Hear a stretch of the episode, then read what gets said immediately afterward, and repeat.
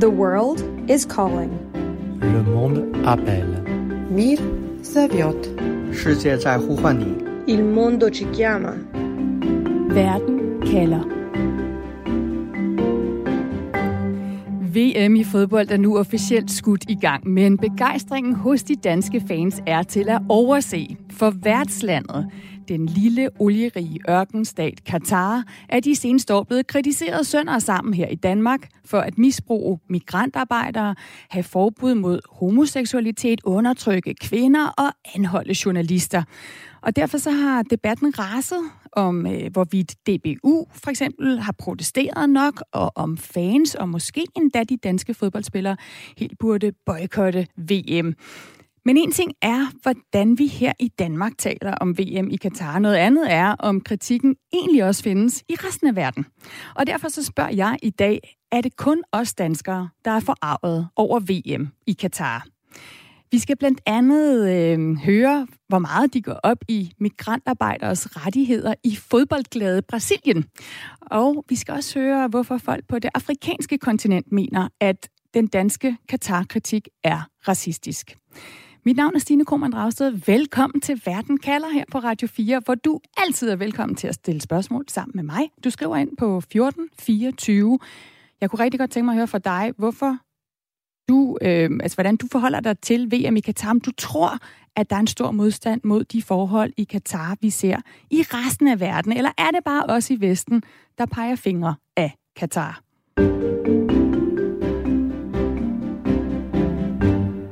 Og inden vi tager ud i verden for at høre, hvad de andre lande synes om VM-værtslandet Katar, så skal jeg lige introducere mine gæster i programmet i dag. Det er Stanis Elsborg, som er senioranalytiker i organisationen Play the Game under Idrættens Analyseinstitut. Og Stanis, du har særlig fokus på sport og politik. Og så er det Martin Witt, som er lektor ved Center for Mellemøststudier på Syddansk Universitet. Velkommen begge to. Tak. Jo, tak. Lad os lige starte med en lynrunde på, hvor vi står i forhold til synet på, på Katar og det her VM, Stanis Elsborg. Hvorfor er VM i Katar et sportsmarit i dine øjne? Af to årsager. Den første er, at tildelingen i 2010 bygger på en dyb, dyb korruptionskultur øh, i FIFA, og det er det, der kulminerer i år med det her VM. Og det andet er, at øh, hele den migrantarbejdssituation, der er forbundet med øh, bygningen af de her byggerier, som også øh, er relateret til VM, det er de to grundlæggende årsager. Og Martin Witt, hvorfor er VM så øh, VM i Katar, hvis du nu skulle tage landets Emirs briller på, hvorfor er det så en drøm for, for ham? Jamen det er jo fordi, hans baggrund, eller hans store ønske, det er jo øh, en sikkerhedsparaply over hans land. Han er et lille bitte land, der ligger mellem nogle meget, meget store lande, og blandt Saudi-Arabien, som faktisk mener, at deres olie- og gaskilder tilhører Saudi-Arabien. Så han har brug for sikkerhed, og det mener han, han får ved at gøre sig internationalt kendt. Så Al Jazeera radiostationen og, og uh, mailingsbestræbelser uh, osv., og nu uh, sport, det er måder, han gør sig synlig på i hele verden, og dermed kan landet ikke blive overtaget af naboen. Og Martin, Katar er jo langt fra et mønsterdemokrati, det har vi slået fast, men, men er kongedømmet den her store superskurk, som det gørs til lige nu? Jo, ja, altså, man, man kan vel ikke bøje menneskerettigheder, men på den anden side set, så er det kommet meget, det meget, meget bag på dem, at verden har kritiseret, eller i hvert fald Nordeuropa har kritiseret dem så voldsomt, som de har, fordi de har haft kafalesystemet i 50 år. Øh, altså den måde at integrere øh, arbejdere på. Øh, og øh, det, det, det, har de, øh, det, det har de arbejdet med, og, og, og det øh, mener de har været naturligt. Mm. Og de har jo heller ikke samme holdning til... Mm. Nej. Undskyld, bare gør det færdigt. De har heller ikke samme holdning til øh, ulighed. Altså, øh, jeg selv boet i Dubai, ikke? og der er fire officielle lønskalaer i Dubai, alt efter hvilken hudfarve du har. Det er selvfølgelig ikke i orden, men sådan har deres dagligdag været øh, siden 70'erne. Og Stanis Elsborg, lad os lige stå fast, når Martin siger kafala-systemet. Det er jo et af de øh, store problemer, som, som du og andre har sat fokus på, der netop arbejder for at bruge idrætten til at, at gøre en forskel. Prøv lige at forklare, hvad det er, der er med det her kafala-system, og hvad der er blevet ændret ved det. Jamen grundlæggende er det jo et system, hvor man på en eller anden måde stavnspinder de migrantarbejdere, der er kommet til Katar. Altså man skal ligesom have en sponsor, og det kan i nogle tilfælde jo være ens arbejdsgiver, og man får så inddraget sit pas og har på den måde ikke øh, fri bevægelighed, og kan ikke nødvendigvis øh, rejse hjem, når man øh, har lyst til det. Og øh, det har man jo i hvert fald på papiret og ved lov er i gang med at afskaffe, og, og det er jo på sin vis en, en god ting, ligesom at man har indført en mindsteløn, øh, som øh, er meget, meget lav, men trods alt øh, er den der, og øh, det er jo noget af det, der er sket i løbet af den her lange periode, og øh, det øh, er jo så desværre, må vi så også øh, konstatere, stadig øh, problemer med implementeringen af det, når vi hører fra forskellige menneskerettighedsorganisationer. Mm. Nu skal vi til en tur til et af de største fodboldlande i verden. Et land, der for otte år siden selv har været vært for VM i fodbold, nemlig Brasilien. Du lytter til Verden kalder på Radio 4. For lidt tidligere, der ringede jeg til Peter Arnhold, der er både bosat i Sydamerikas største fodboldnation, eller i hvert fald en af dem, Brasilien, hvor han arbejder som øh, fodboldscout og fodboldskribent. Og jeg spurgte Peter Arnhold, hvor meget debatten om menneskerettigheder, om de her migrantarbejdere i Katar fylder i Brasilien. Det fylder næsten ingenting. Øh, det er, der er fokus på, på fodbolden øh, her i, i Brasilien, ikke? og der er jo lige øjeblik, øjeblikket, ikke, hvor vi er ved at nærme os den øh, åbningskampen. Ikke, så er der jo hele tiden meldinger nede fra, øh, fra Katar, ikke, og hvordan det går med de, øh, de brasilianske tropper. Så det er, der er 100% fokus på fodbolden. 100% fokus på fodbolden. Hvorfor er der ikke den debat, som vi har her i Danmark og i Europa, om vi skal boykotte Katar eller ej, om vi overhovedet vil se det på fjernsynet, og man kan rejse der til med god samvittighed? Det er noget med, at politik og fodbold bliver ikke blandet øh, så meget, som, som vi ser i, i andre, øh, andre steder. Det er et øh, VM, som brasilianerne øh, glæder sig til. Det gør de så hver, hver fjerde år. Og øh, det med menneskerettigheder og hvad der sker i, i Katar, også i forhold til migrantarbejderne, øh, er, ja, det har man slet ikke læst noget om her. Ikke? Det samme også, da der var VM i Rusland. Altså, det var ikke det politiske, det var ikke menneskerettighederne, der fyldte. Og også tilbage i 2014, hvor vi havde VM hernede, altså der var det jo heller ikke det, der øh, som, som mediebilledet blev brugt på. Har du mødt nogle brasilianske fans, der har svært ved at beslutte, om de skal du ved, boykotte VM ved ikke at se deres landshold spille, eller, eller om det overhovedet for eksempel, hvis de har mulighed for det, overhovedet er okay at tage til, afsted til Katar og følge VM? Altså, er det nogle overvejelser, du har hørt brasilianske fans have? Slet ikke. Øhm, og det, det er også det andet, der, der ligger i det. Ikke? Det er jo, der er mange brasilianere, der, øh, der arbejder blandt andet i, øh, i Katar, i de forenede arabiske emirater. Øh, så man har et, en rigtig god relation til, til de lande, som er sådan lidt på den sorte liste hjemme i, i Danmark.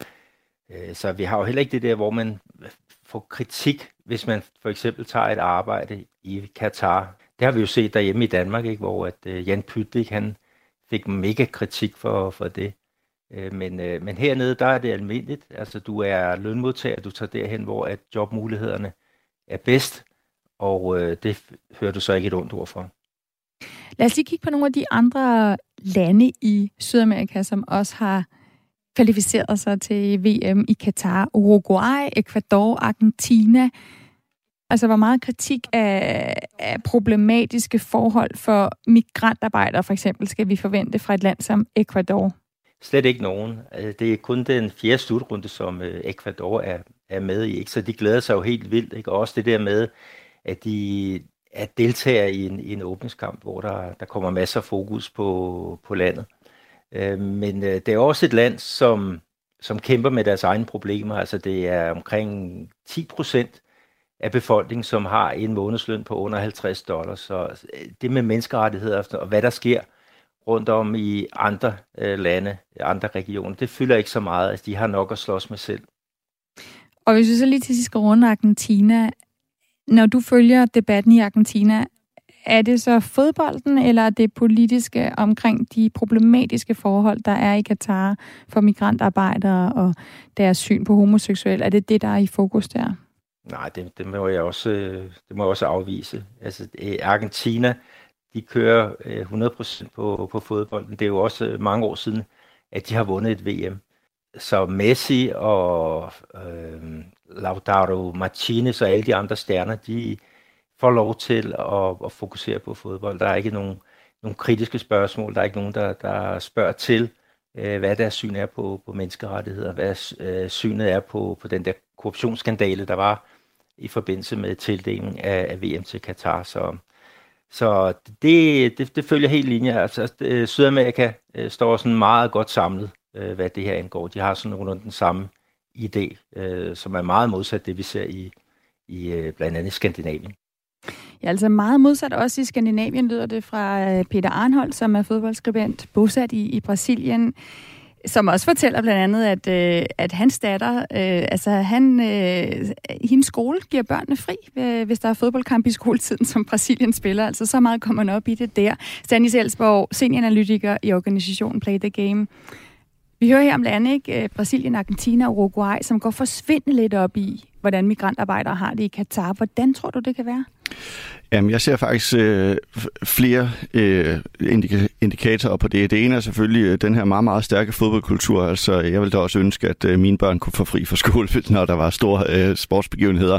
Men øh, der er noget helt andet centralt at pege på øh, rundt omkring i verden. Altså, i Play the Game er vores øh, netværk også meget stort ude rundt i verden, og vi har fået samme fortællinger også fra nogle af dem, vi kender fra blandt andet Argentina. Men i store dele af verden har man slet ikke samme frie presse, som vi har i Danmark. Så det er også en af forklaringerne til, at den her meget, meget kritiske blik på sporten er slet ikke udviklet på samme måde i, i den kritiske presse rundt omkring i verden. Det betyder ikke, at der ikke er dygtige journalister i, øh, i den her del af verden, men de har ikke samme manøvrerum, som vores journalister har i Danmark, for eksempel til at skrive meget frit om, hvad der kunne være kritiske forhold, både i forhold til FIFA, men også i forhold til VM-slutrunden i Katar. Så det tror jeg er, er en af fortællingerne, når vi kigger bredt set ude i verden, hvorfor der ikke er sådan en veletableret kritisk øh, fokus på, på både FIFA og Katar. Det handler altså også om den frie presse. Så den frie presse er noget, der godt kunne være måske problemer med i, i Ecuador. Brasilien har jo sådan en rimelig øh, levende presse. De har lige haft, øh, hvad hedder det, valg, øh, hvor der har været øh, meget kritisk dækning begge veje. Og der hører vi jo stadig Peter Arnholdt sige, det er bare ikke menneskerettigheder, vi taler om, og der bliver heller ikke fordømmelse af øhm, folk, der tager fra Brasilien og tager job i Katar, som er godt betalt job. Altså, vi taler jo ikke sådan øh, fattige migrantarbejdere her. Altså, er det ikke et problem for os, når vi står med vores forarvelse, at vi har kæmpe lande, som jo også kunne øh, gøre en indflydelse her, som på en eller anden måde er stået af hele den her debat?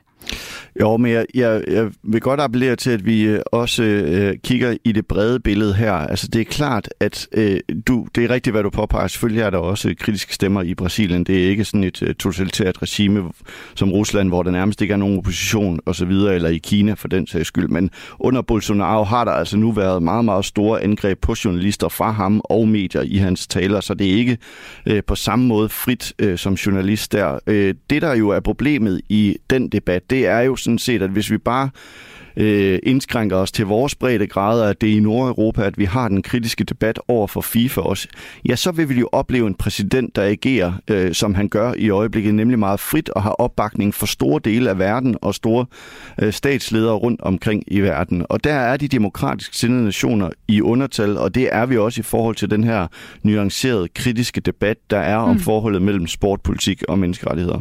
Martin Witt, lektor ved Center for Mellemøststudier på Syddansk Universitet. Der har været omfattende kritik af Katar, når det gælder menneskerettigheder i Danmark, i Europa. Hvad siger de egentlig til kritikken i Katar? Øj, jeg skal lige tænde for dig. Undskyld, Martin, hvis du får lige lov til at stå forfra.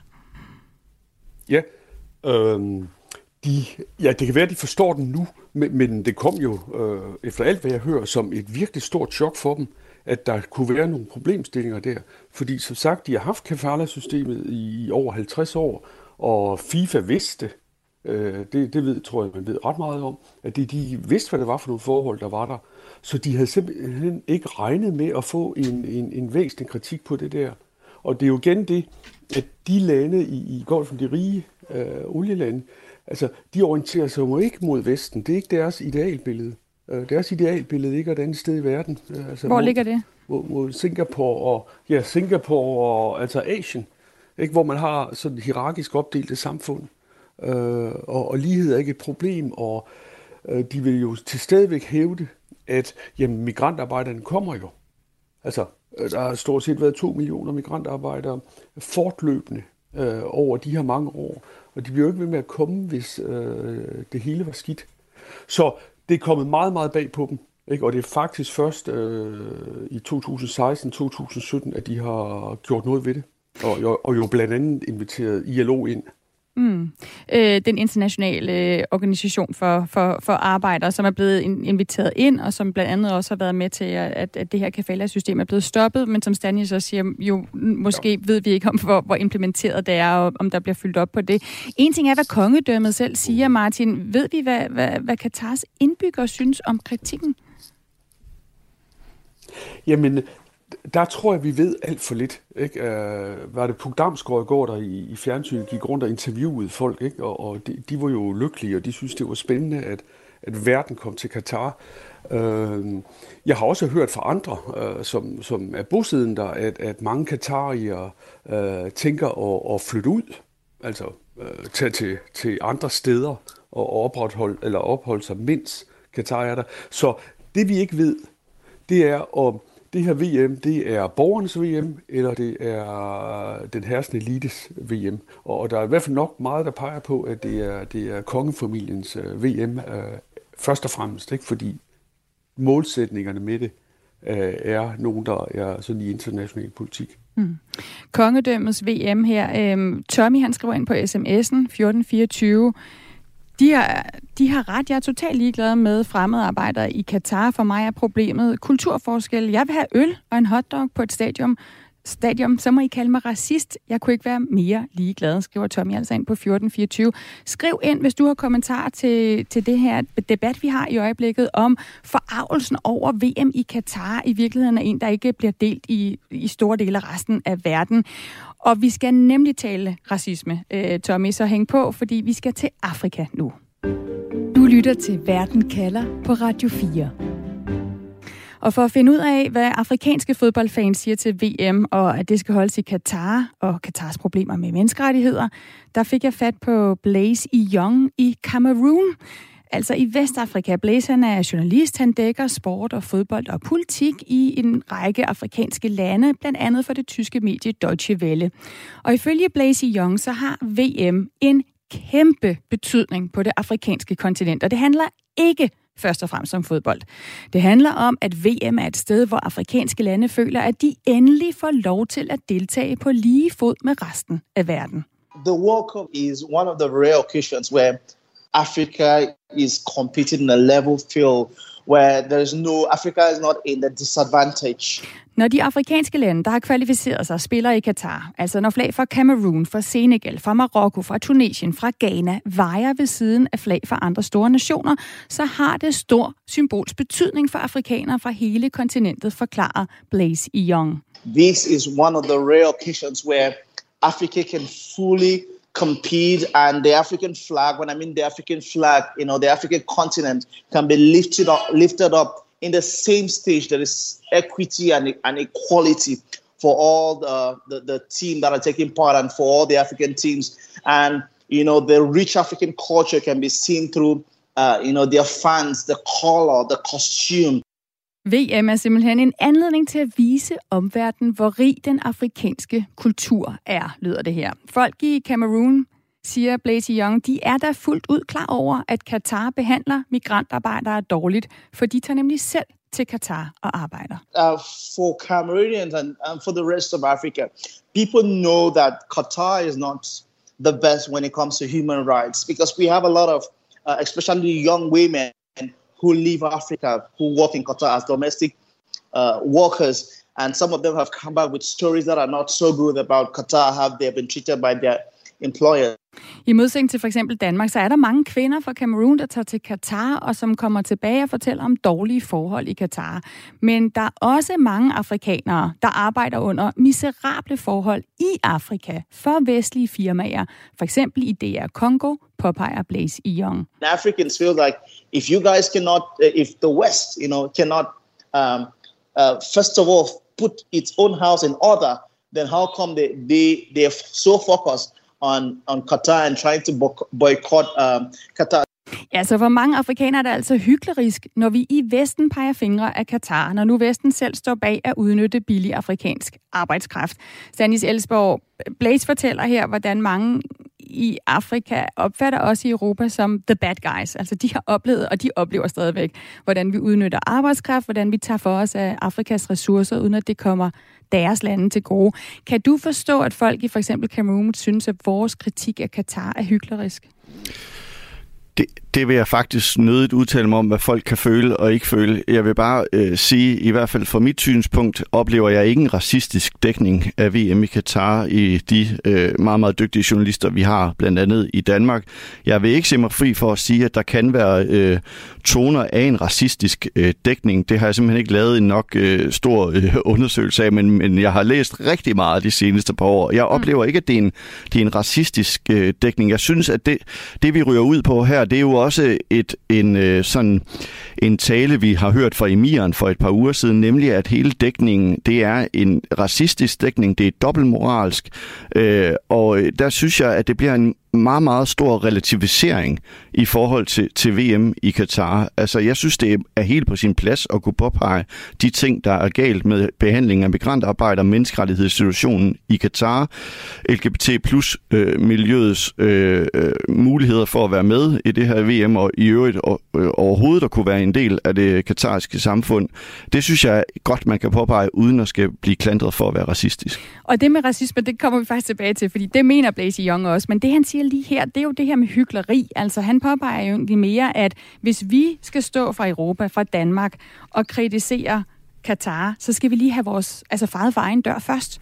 At vi har en masse problemer. Har vi ikke en svaghed her, når vi står ligesom og skal øh, op på den høje hest med vores moral og vores værdier, når vi selv øh, bliver set som the bad guys i nogle af de her lande, der gerne vil til Katar spille fodbold? Jo, men jeg synes altså, det er en ret voldsom relativisering at sidestille øh, Danmark med, med Katars forhold til, til menneskerettigheder. Og det er klart, at i Afrika er der en stor kolonihistorie, som stadig præger formentlig. Og, øh, og, og det er klart, at der kigger de jo mod Europa som, som the bad guys. Og det var jo så det kort Infantino trak den anden dag i hans tale, at Europa de havde en 3.000 år lang historie, som vi burde undskylde for, før vi jo nogensinde kunne komme og kritisere noget. Men hvis man øh, nedlægger den præmis, så kommer vi jo aldrig videre. Altså, hvis ikke Europa kan lære sin historie og samtidig også kunne påpege, at øh, der er problemer med menneskerettigheder store, øh, store st- mange steder i verden, ja, så, så synes jeg, det bliver en for stor relativisering. Og jeg mm. synes også, at det er en helt, helt forkert præmis i forhold til den kritik, der har været af det her VM. I Play the Game er kritikken altså rettet mod, at det her det er en idrætsbegivenhed, og noget af det, der har fundet sted med den idrætsbegivenhed, det er øh, migrantarbejdernes forhold, menneskerettighedssituationen, LGBT+. Lad os tage den, lad os tage den, lad os tage ja. de forhold. Og så spørger jeg lige dig, Martin. Altså, Katar har brugt masser af tid. De har brugt ressourcer. De har brugt bestikkelse på at blive værter for VM. De er vist udmærket, at de skulle bygge nye stadioner og hoteller, en helt ny metro, ikke for at kunne løfte denne opgave, at det vil kræve, kræve en masse migrantarbejdere. Martin, hvorfor fik de ikke bare styr på forholdene for de migrantarbejdere? Jamen, det kan jo også undre, fordi Altså, øh, det, det har jeg sagt der andet sted tidligere. Ikke? Jeg var selv i Dubai i nullerne, hvor, hvor Dubai blev beskyldt for det samme, nemlig at byen blev bygget på blodet af indiske migrantarbejdere. Ikke? Og der tog man nogle, nogle meget hurtige politiske stillingstagen til det, øh, og, og fik problemet løst. Så det kan man undre sig over, hvorfor ikke er sket i, i Katar, ikke? og med, med Altså, at de jo er en af landets, eller verdens øh, rigeste lande. Ikke? Øh, men, men det er en diskussion om, at vi tror, at et autokratisk styre nødvendigvis er stærkt. Ikke? Kongen eller emiren i Katar sidder ikke specielt stærkt. Altså, og, og der er et privat erhvervsliv, øh, det vil sige stammerne i, øh, i Katar, som ejer det private erhvervsliv, de er stærke. Og de er stærke i forhold til kongen eller til emiren, og som gør, at emiren ikke bare kan tvinge ting igennem. Ikke? Mm. De private firmaer vil ikke have staten ind øh, og, og bestemme øh, deres arbejdsvilkår og sådan noget. Og der kan man sige, at i den her sammenhæng, der har emiren, da han skulle åbne, altså han har haft en deadline, der hed den 20. november 2022, ja. ikke? der skulle tingene være færdige. Ikke? Så de har, øh, det private erhvervsliv har også kunne presse ham. Så han har også ligget under for nogle øh, interesser der, og det handler altså også om øh, ja, at sætte ja. fokus på, hvordan øh, forholdene er i Katar. Vi skal forstå, hvordan forholdet er, for eksempel mellem ja. emiren og øh, de, de her firmaer, for at forstå, for der ikke er sket ja. forandringer. I hænger på, øh, Martin Witt og Stanis Elsborg. Vi skal nemlig tale meget mere om, hvordan vi kigger på Katar i resten af verden, lige på den anden side af et par nyheder, som du får på Radio 4 okay. her nu. Oh. The world is calling. Le monde appelle. Mir 世界在呼唤你. Il mondo ci chiama. Werden Keller. Vi kan vel ikke sammenligne Katar og EU. Vi inviterer ikke afrikanske og asiatiske arbejdskraft til Danmark for så at behandle dem som slaver. Dermed ikke sagt, at vestlige firmaer ikke behandler folk dårligt i for eksempel Afrika. Men det er jo deres egen lovgivning, som giver grundlag til, at det kan lade sig gøre. Så man kan ikke sammenligne de to ting. Med venlig hilsen Daniel, som altså ikke skal se fodbold, skriver Daniel ind på sms'en, uanset hvilket land der det spilles i. Og det er 1424, du kan skrive ind til her til Verden kalder, hvor jeg i dag spørger, er det kun kun os danskere, der er forarvet over VM i Katar. Jeg hedder Stine Krohmann Dragsted, og jeg stiller jo det her spørgsmål, fordi at øh, VM er blevet skudt i gang i går i Katar, og dermed så kulminerer flere års kritik af arbejdsforhold og rettigheder i ørkenstaten. Men som vi også har hørt både fra Sydamerika og nu også fra Afrika, det er langt fra alle, der er så kritiske, som vi er i Danmark over for Katar. Og mine gæster i dag igennem hele programmet, det er Stanis Elsborg, som er senioranalytiker i organisationen Play the Game, og så er det Martin Witt, der er mellemøstforsker ved Syddansk Universitet. Lad os lige gå tilbage og høre et klip fra Blaze i Young fra Cameroon, øh, som altså ikke bare mener, at vores kritik af Katar er hyklerisk. Han mener også, at vores kritik i Vesten udspringer af noget af det, vi slet ikke vil indrømme, altså at vores negative syn på VM i Katar bunder, som du også nævnte før, Stanis, i racisme. I think racism is at, at the core of, of this. Uh, and for, for example, uh, when when people um, like the former FIFA president said Qatar was too small, and and we have read as journalists, we have seen uh, publications mainly from the West say that how can they take a World Cup to the desert? You know, these are racist, these are outright racist comments. It's like human beings live in the desert. They they did not choose to be there. You know, they they were born there. Ja, altså Blaze han bider mærke i det her med, at vi har skrevet om, how can they take the World Cup to the desert? Øhm, og så siger han, mennesker lever i ørkenen. Øh, Blaze fra øh, Vestafrikas land Cameroon, som altså peger på, hvordan øh, tidligere præsident, FIFA-præsident Sepp Blatter har sagt, at Katar er for lille et land til at afholde VM. Øhm, han siger også, at mange afrikanere genkender, hvordan vestlige lande har det her med at sætte ned på lande og befolkninger, som er anderledes end dem og behandle dem racistisk. And for many Africans, they have suffered racism um, before they have suffered colonialism. They have suffered, they have been mistreated. Many people in Cameroon, many people in Africa see uh, see that racism is a core of this conversation, and it's just uh, something that the West has, has done for, for hundreds of years. Stanis Elsborg, du sagde før, at du synes ikke, at øh, altså, du køber ikke den her med, at det er en racistisk dækning, vi for eksempel har haft af, af den kritik, vi har rejst imod VM i, i Katar. Kan du forstå Blaze Young her fra Cameroon, når han siger, at der er nogle stereotyper på spil, som også er på spil over for andre lande, som man kan genkende, når man sidder uden for Europa og kigger på, hvordan vi dækker VM i Katar? Man skal altid lytte på dem, som er en del af det, og dem, det handler om. Så jeg lytter meget nært til det, han siger her. Jeg vil godt tage fat i øh, det ene af gangen, det han siger, fra, som er Sepp Blatter, den tidligere FIFA-præsident, at Katar er for lille. Det handler jo om deres geografiske størrelse, hvilket jeg i øvrigt synes er en, en helt vanvittig kommentar fra den tidligere FIFA-præsident. Fordi det er jo netop diskriminering. Altså, så skulle man ikke kunne afholde et VM, fordi ens land ikke er særlig stort. Det synes jeg er en mærkelig kommentar. Men det handler jo om, om størrelsen, og ikke nødvendigvis om, at man enten er øh, muslim, eller man er fra den arabiske verden, eller andet. Og så vil jeg godt øh, sige, der findes racisme. Det er helt klart. Altså, øh, det ved vi alle sammen godt, øh, og selvfølgelig har Afrika været udsat for en enorm stor mængde af racisme. Det er helt, det er helt afgjort. Mit fokus er på den dækning, der er øh, af VM i Katar, og der oplever jeg det ikke som et racistisk dækning af slutrunden i Katar. Det kan godt være, at der findes nogle steder i pressen, hvor der kan være tenderende til racisme. Det kan også godt være, at der er specifik racisme. Men når jeg forholder mig til, at jeg synes, præmissen er skudt lidt ved siden af, så er det fordi, jeg synes faktisk, at den dækning, der har været af VM i Katar, er en af de mest nuancerede dækninger, vi har haft om nogens sportsbegivenheder mm. overhovedet. Mm. Og så synes jeg, hvis jeg lige må sige, så synes jeg faktisk, det er en lille smule uklædeligt over for de journalister, som i årvis er blevet banket oven i hovedet af blandt andet sådan nogen som os i Play the Game, om at de ikke dækker skyggesiderne i international idræt.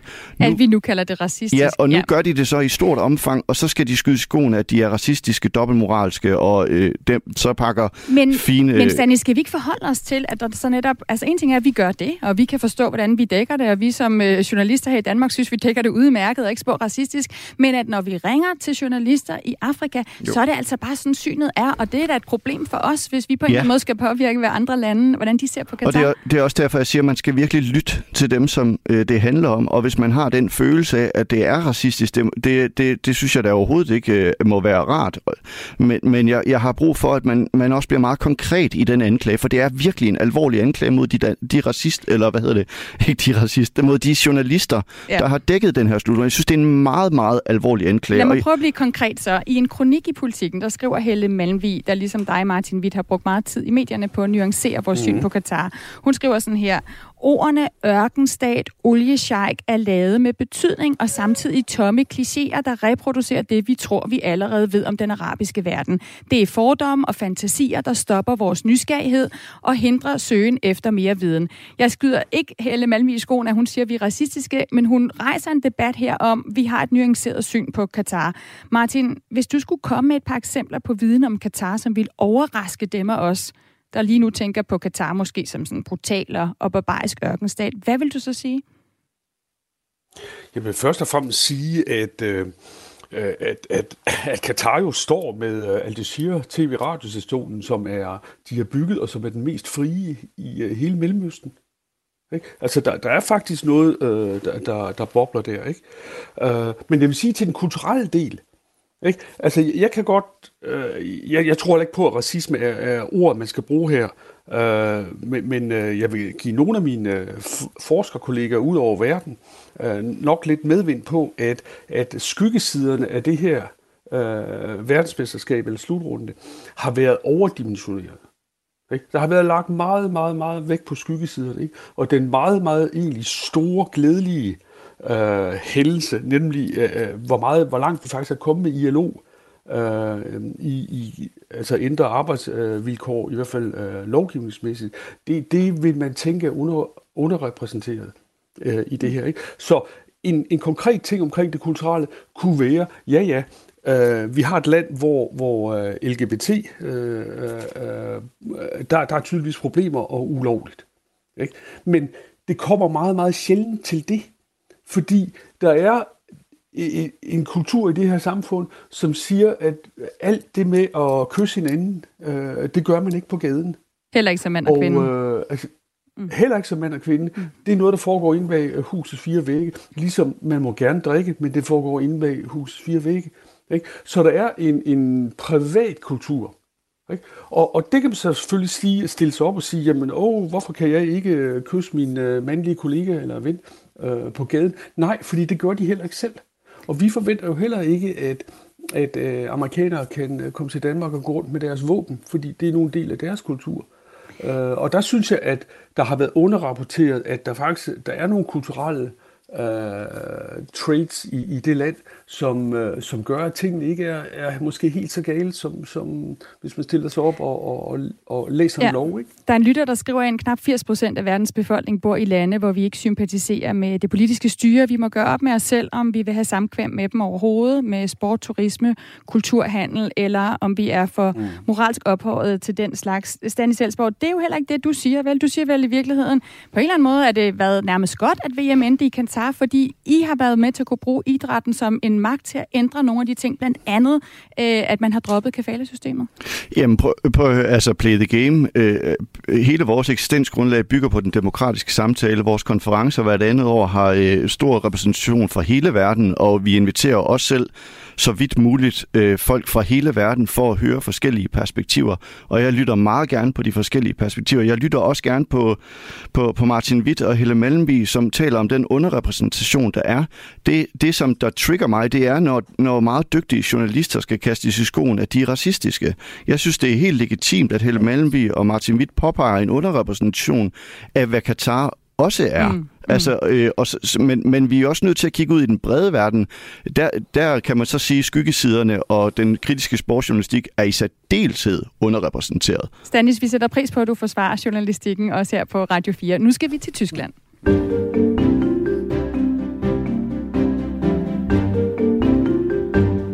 For du lytter til Verden kalder på Radio 4, hvor jeg i dag altså jagter andre landes holdninger til VM i Katar. Vi har hørt fra Brasilien, hvor de ikke diskuterer menneskerettigheder, men derimod fodbold. Vi har hørt fra Cameroon, hvor beskeden lød, at det, den europæiske kritik af Katar er både hyklerisk og racistisk. Så lad os komme til et land, hvor de har det lidt mere som os i Danmark, nemlig Tyskland. Og det vil jeg meget gerne tale med dig om, Lykke Friis. Velkommen til programmet. Tak skal du have. Lykke, du er jo direktør for Tænketanken Europa. Du øh, følger Tyskland tæt, og så er du også fodbold, meget fodboldinteresseret, blandt andet i, i tysk fodbold, så det følger du også.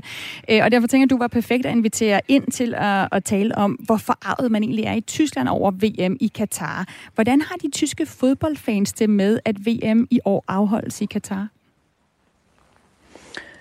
Jamen det er de der stærkt kritiske overfor. Der har jo været adskillige aktioner, øh, også da Bundesligaen lukkede ned her øh, for halvanden uges penge siden. Der havde været stort set på samtlige stadion, var der protestbanner, der blev, der blev rullet ud. Det er jo også sådan, når man spørger øh, den tyske befolkning, jamen, så er der jo en meget stort flertal, der mener, at der skal være en politisk boykot, altså fra regeringens side, at man ikke skal rejse derned. Og i øjeblikket, jamen, der kører jo så ja, forskellige fodboldknejper, det vil sige, at man almindeligvis vil til fodbold, de kører sådan nogle kampagner med, at, at her viser vi ikke øh, Katar. Så, så det er altså noget, der, der, der fylder øh, betragteligt i Tyskland, og så lige over de sidste 24 timer har der jo været stor debat om, hvorvidt Manuel Neuer øh, skulle holde fast i og, og spille med det her One Love øh, anførerbind. Men der ser jeg lige her, mens vi, vi taler, eller lige for en minut siden, at der er det bare kommet frem, at, at det har, nu har de fodboldforbund, inklusive det danske, bare trukket deres øh, ønske om at spille spille med det, med det mm. anførerbind, da det åbenbart ville have givet gult kort, så vidt jeg kan forstå. Mm. Så der er stadig debat om det, om det bind. Hvad, hvad med øh, altså anførerbindet med One Love? Hvad med hvad holdning i den tyske regering? Mm. Nu taler vi om fodboldfans. Hvor står øh, regeringen i Tyskland? Ah, noget mere splittet. Øhm, eller mere splittet måske forkert udtryk, fordi det er ikke, fordi der er forskellige holdninger, men, men det er det det er sådan, at man kan ikke bare fra den tyske regerings side sige, at øh, nu boykotter vi. Og det hænger jo sammen med, at den tyske regering jo er i, er i gang med sådan set at styrke forholdet til Katar. Øh, og der skal vi jo hen til en Putin-effekt, altså efter den 24. februar, og hans invasion af Ukraine, der jo har betydet, at, at Tyskland i den grad står med rådet postkassen, eller står for en, øh, en vinter, der bliver ekstremt kold. Og derfor har Tyskland jo sagt øh, ja, nej til russisk gas, men bliver så nødt til at importere gas et andet sted fra. Og hvor importerer man så gassen fra? Ja, det gør man så blandt andet fra Katar. Så den tyske kansler her for ganske få uger siden været i Katar for at købe øh, gas. Vicekansleren har også været der. Og der har man sådan grundlæggende øh, den opfattelse, at hvis tysk, den tyske regering så vil sige, at vi vil godt have jeres gas, og så sidde herhjemme og, og, og ikke at fryse. Men det der med at tage til, til VM, øh, det, det vil vi ikke. Der vil man være, gøre sig selv sårbar over for, for hyggeleri og den opfattelse, der er. Men indtil videre, øh, ja, så har det været sådan, at indrigsministeren har sagt, hun hedder Nancy Faeser, hun vil tage der ned, når Tyskland spiller første kamp, og det er jo så på onsdag mod Japan. Og det sagde hun så også, efter hun så havde været nede for to år siden og havde fået garantier om, at man ville behandle blandt andet LGBT-fans øh, på, på rette vis. Øh, men øh, så da hun så kom hjem, så gik der to dage, så viste tysk tv jo den her meget berømte udsendelse nu, hvor VM-ambassadøren sagde, at noget af at, at homoseksualitet var en, var en form for sindssyge. Og Derefter kom der så en melding om, at øh, nu overvejer hun situationen. Så reelt ved vi ikke, om hun tager afsted nu. Mm. Men man kan sige lidt for simpelt måske, at gas øh, politisk vejer lidt tungere øh, end menneskerettigheder, når Tyskland skal, skal øh, sådan beslutte, hvor de står i forhold til Katar, om de styrker deres forhold eller ej.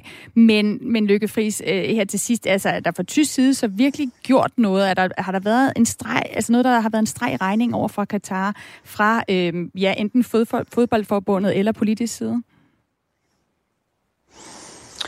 Altså, der har været betragtelig kritik øh, hele tiden. Man har jo også lige gjort det fra det tyske, de tyske spillere side. Det synes man også lige, man skal have med i den her sammenhæng. De donerede jo her i, øh, i den her uge jo et, et betydeligt beløb til børn i Nepal, som jo så er børn af migrantarbejdere i Katar. Øh, det var et meget klart signal. Og så tror jeg, synes jeg også, vi skal have med, at øh, tyske fodboldspillere jo i den grad har sagt fra. Altså Leon Goretzka, der også spiller for Bayern München, og ja, øh, Bayern München har så også en, en sponsor, der hedder Qatar Airways, øh, på, hans, på hans venstre arm. Øh, men desto mindre har han jo altså sagt klart fra. Altså han sagde jo efter den her øh, tv-udsendelse, at han syntes, at øh, Katar de lever altså i, i det forrige årtusind. Så det var jo en klar melding, og Manuel Neuer kom med noget, med noget lignende. Så i Tyskland ser man altså, at spillerne øh, også øh, blander sig i debatten. Mm. Tusind tak for det perspektiv, Lykke Friis, øh, på øh, hvordan ja, hvor Tyskland står i forhold til VM i Katar. Altså direktør for Tænketanken Europa og forfatter til bogen Tårernes Europa.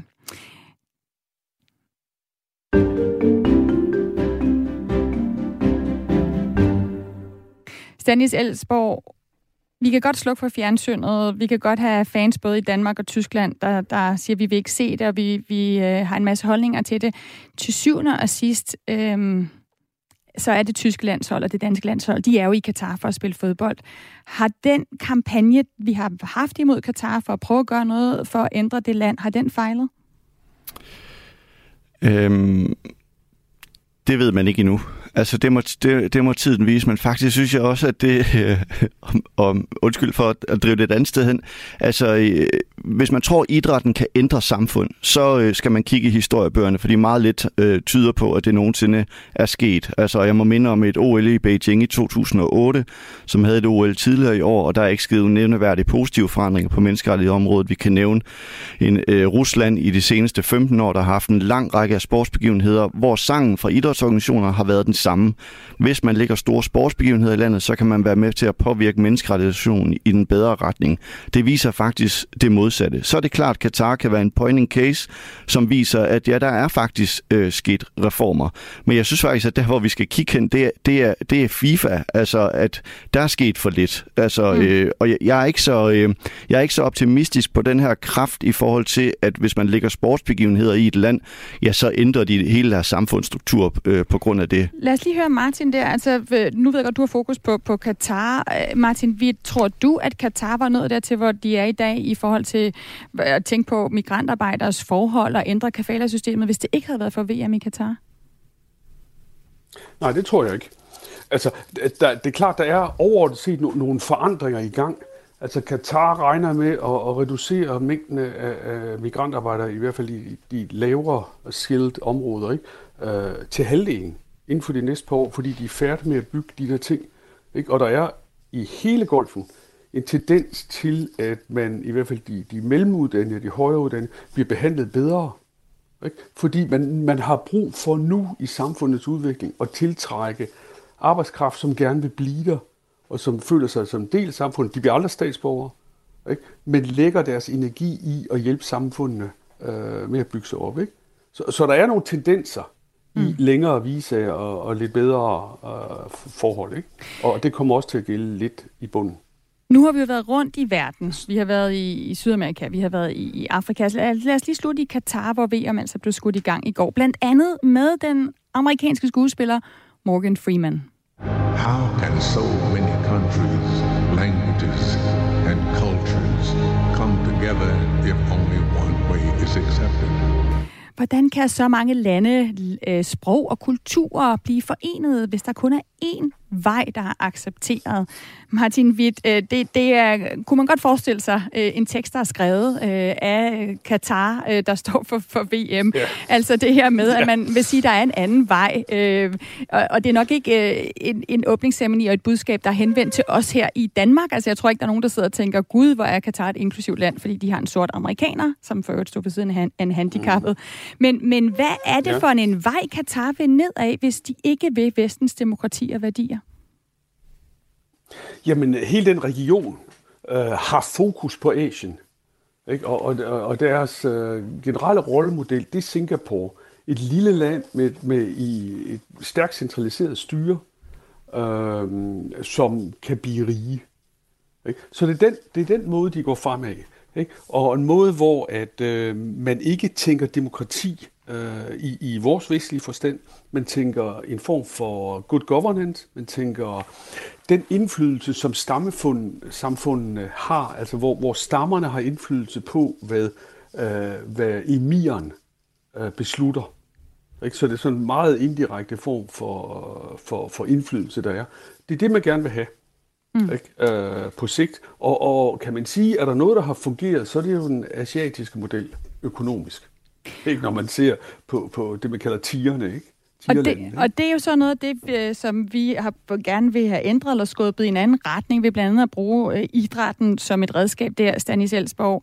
Og nogle af dem, der er trætte af, at vi prøver, det er vores forarvelse her i Vesten over, over Katar, hvordan de har behandlet migrantarbejdere og homoseksuelle. Det er, som du også nævnte før, FIFAs præsident Infantino. Lad os lige prøve at høre ham. Today I feel uh, Qatari. Today I feel Arab. Today I feel African. Today I feel uh, gay. Ja, Infantino han prøver altså øh, at sige her, at det er helt til grin, at vi i Vesten prøver at belære Katar om moral og værdier, at vi, vi ligesom kan sige, vi føler os som homoseksuelle, eller vi føler os som migrantarbejdere, eller så videre. En, en optræden, som Infantino jo altså, har fået kritik for, den er blevet kaldt pinlig og kluntet og misforstået af blandt andet Amnesty International. Men Stanis Elsborg, det er jo også en FIFA-præsident, som ser ud som om han fortsætter på posten. Han sad ved åbningsceremonien i går ved siden af ingen andre end Mohammed bin Salman, altså kronprinsen fra Saudi-Arabien, som nu også byder ind på at være vært for VM i fodbold. Hvad nytter vores forarvelse her i Danmark, hvis det kan ende med, at Infantino her, han fortsætter øh, som præsident for FIFA, og Saudi-Arabien kan ende som værtsland? Altså, jeg må lige sige, det er en af de mest mærkværdige taler, vi nogensinde har hørt fra en øh, leder i de store idrætsorganisationer. Jeg har aldrig hørt noget lignende. Det er jo 55 minutters lang tirade om alt muligt, også om, den, om pressen og hvad ved jeg. Så han driver fuldstændig samme fortælling, som Emiren gjorde for et par uger siden om den her racisme og dobbeltmoral. Øh, jamen, det vi kan gøre, det er at blive ved med at presse på, altså at prøve med idrætsorganisationerne om det værdigrundlag, de sådan set selv har skrevet under på. Et værdigrundlag, der går op i menneskerettigheder, et værdigrundlag, som, hvor der er plads til alle, og at alle skal kunne mødes øh, under samme tag. Og det, det, vi ser eksemplet på i øjeblikket, det er jo faktisk ikke det, man kan ved et VM i Katar, hvor det ikke er lovligt for eksempel at være homoseksuel, og hvor man ikke behandler migrantarbejderne øh, ligeværdigt med resten af befolkningen. Så på den måde, så øh, er det også et, bare et eksempel her på, at, og du nævner, at han sidder ved siden af Mohammed bin Salman, nemlig at FIFAs præsident i langt højere grad kigger mod de autoritære styre end de demokratisk sindede nationer. Martin Witt, er der noget, der tyder på, at Katar har fortrudt, at de bød ind på det her VM efter den forarvelse, de er blevet mødt med, blandt andet fra Danmark og Europa?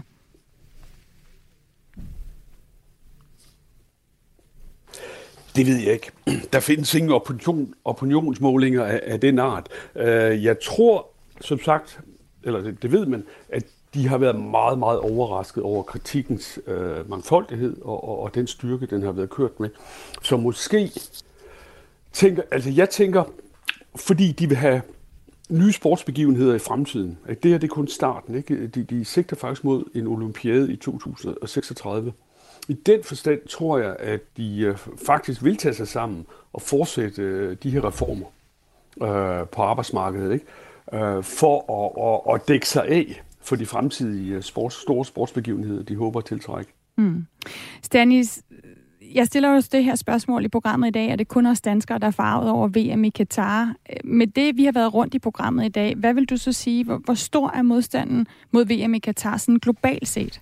Jamen, den er slet ikke særlig stor, altså øh, overhovedet, så, øh, så det er helt klart, men, men, sådan, men, men modstanden generelt i idrætsorganisationerne i forhold over til autokratiernes indtrængen i sportsverdenen, den er ikke særlig stor. Der står Norden meget, meget alene, og måske nogle lande i Europa, Tyskland, Holland, Belgien, så, så der står man, demokratierne står meget, meget alene i international idræt i øjeblikket. Martin Witt, hvad er det et udtryk for, at øh, den her kritik, øh, der overskygger VMID i, i, i øh, VM her i Danmark, at den ikke fylder så meget i resten af verden? Jamen, det er et udtryk for, at, øh, altså egentlig også som Stanley siger, altså vi, vi er få lande, der er demokratiske. Altså det, det er mindre end 50 lande på verdensplan, øh, som, som øh, ligesom klassificeres som, som rigtig demokratiske. Og det vil sige, at der er 150 andre lande, og, øh, og, og vi ved jo, at, at kan vi sige, øh, øh, verden, om så må sige, er ved at, at, at gå mod øst.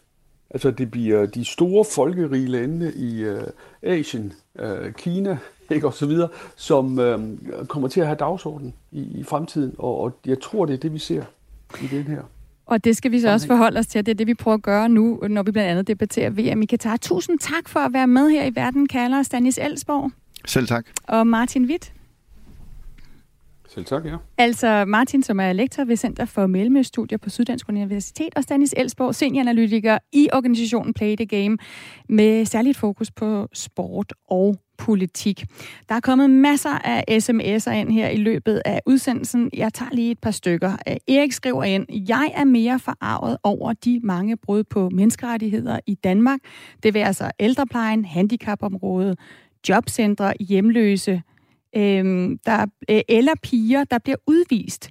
Når nu vi bryster os af at have så fine menneskerettigheder, og så tillader os at kritisere Katar så voldsomt, skriver Erik, øh, som mener, at, at vi i Vesten har menneskerettigheder på papiret, men at de altså ikke overholdes ude i den virkelige verden. Anna har skrevet ind til sms'en på 1424. Et er menneskerettigheder, men hvis øl og flæskesvær ikke er tilladt i Katar, så bliv hjemme. Vi bekæmper jo også værdier i parallelsamfund og vil ikke Øh, have halal i vores institutioner, så skik, følge eller landfly, skriver altså Anna ind på 1424. Husk, at du kan lytte til Verden kalder lige når du vil, ved at finde os på vores øh, app, Radio 4's app. Der finder du Verden kalder nu der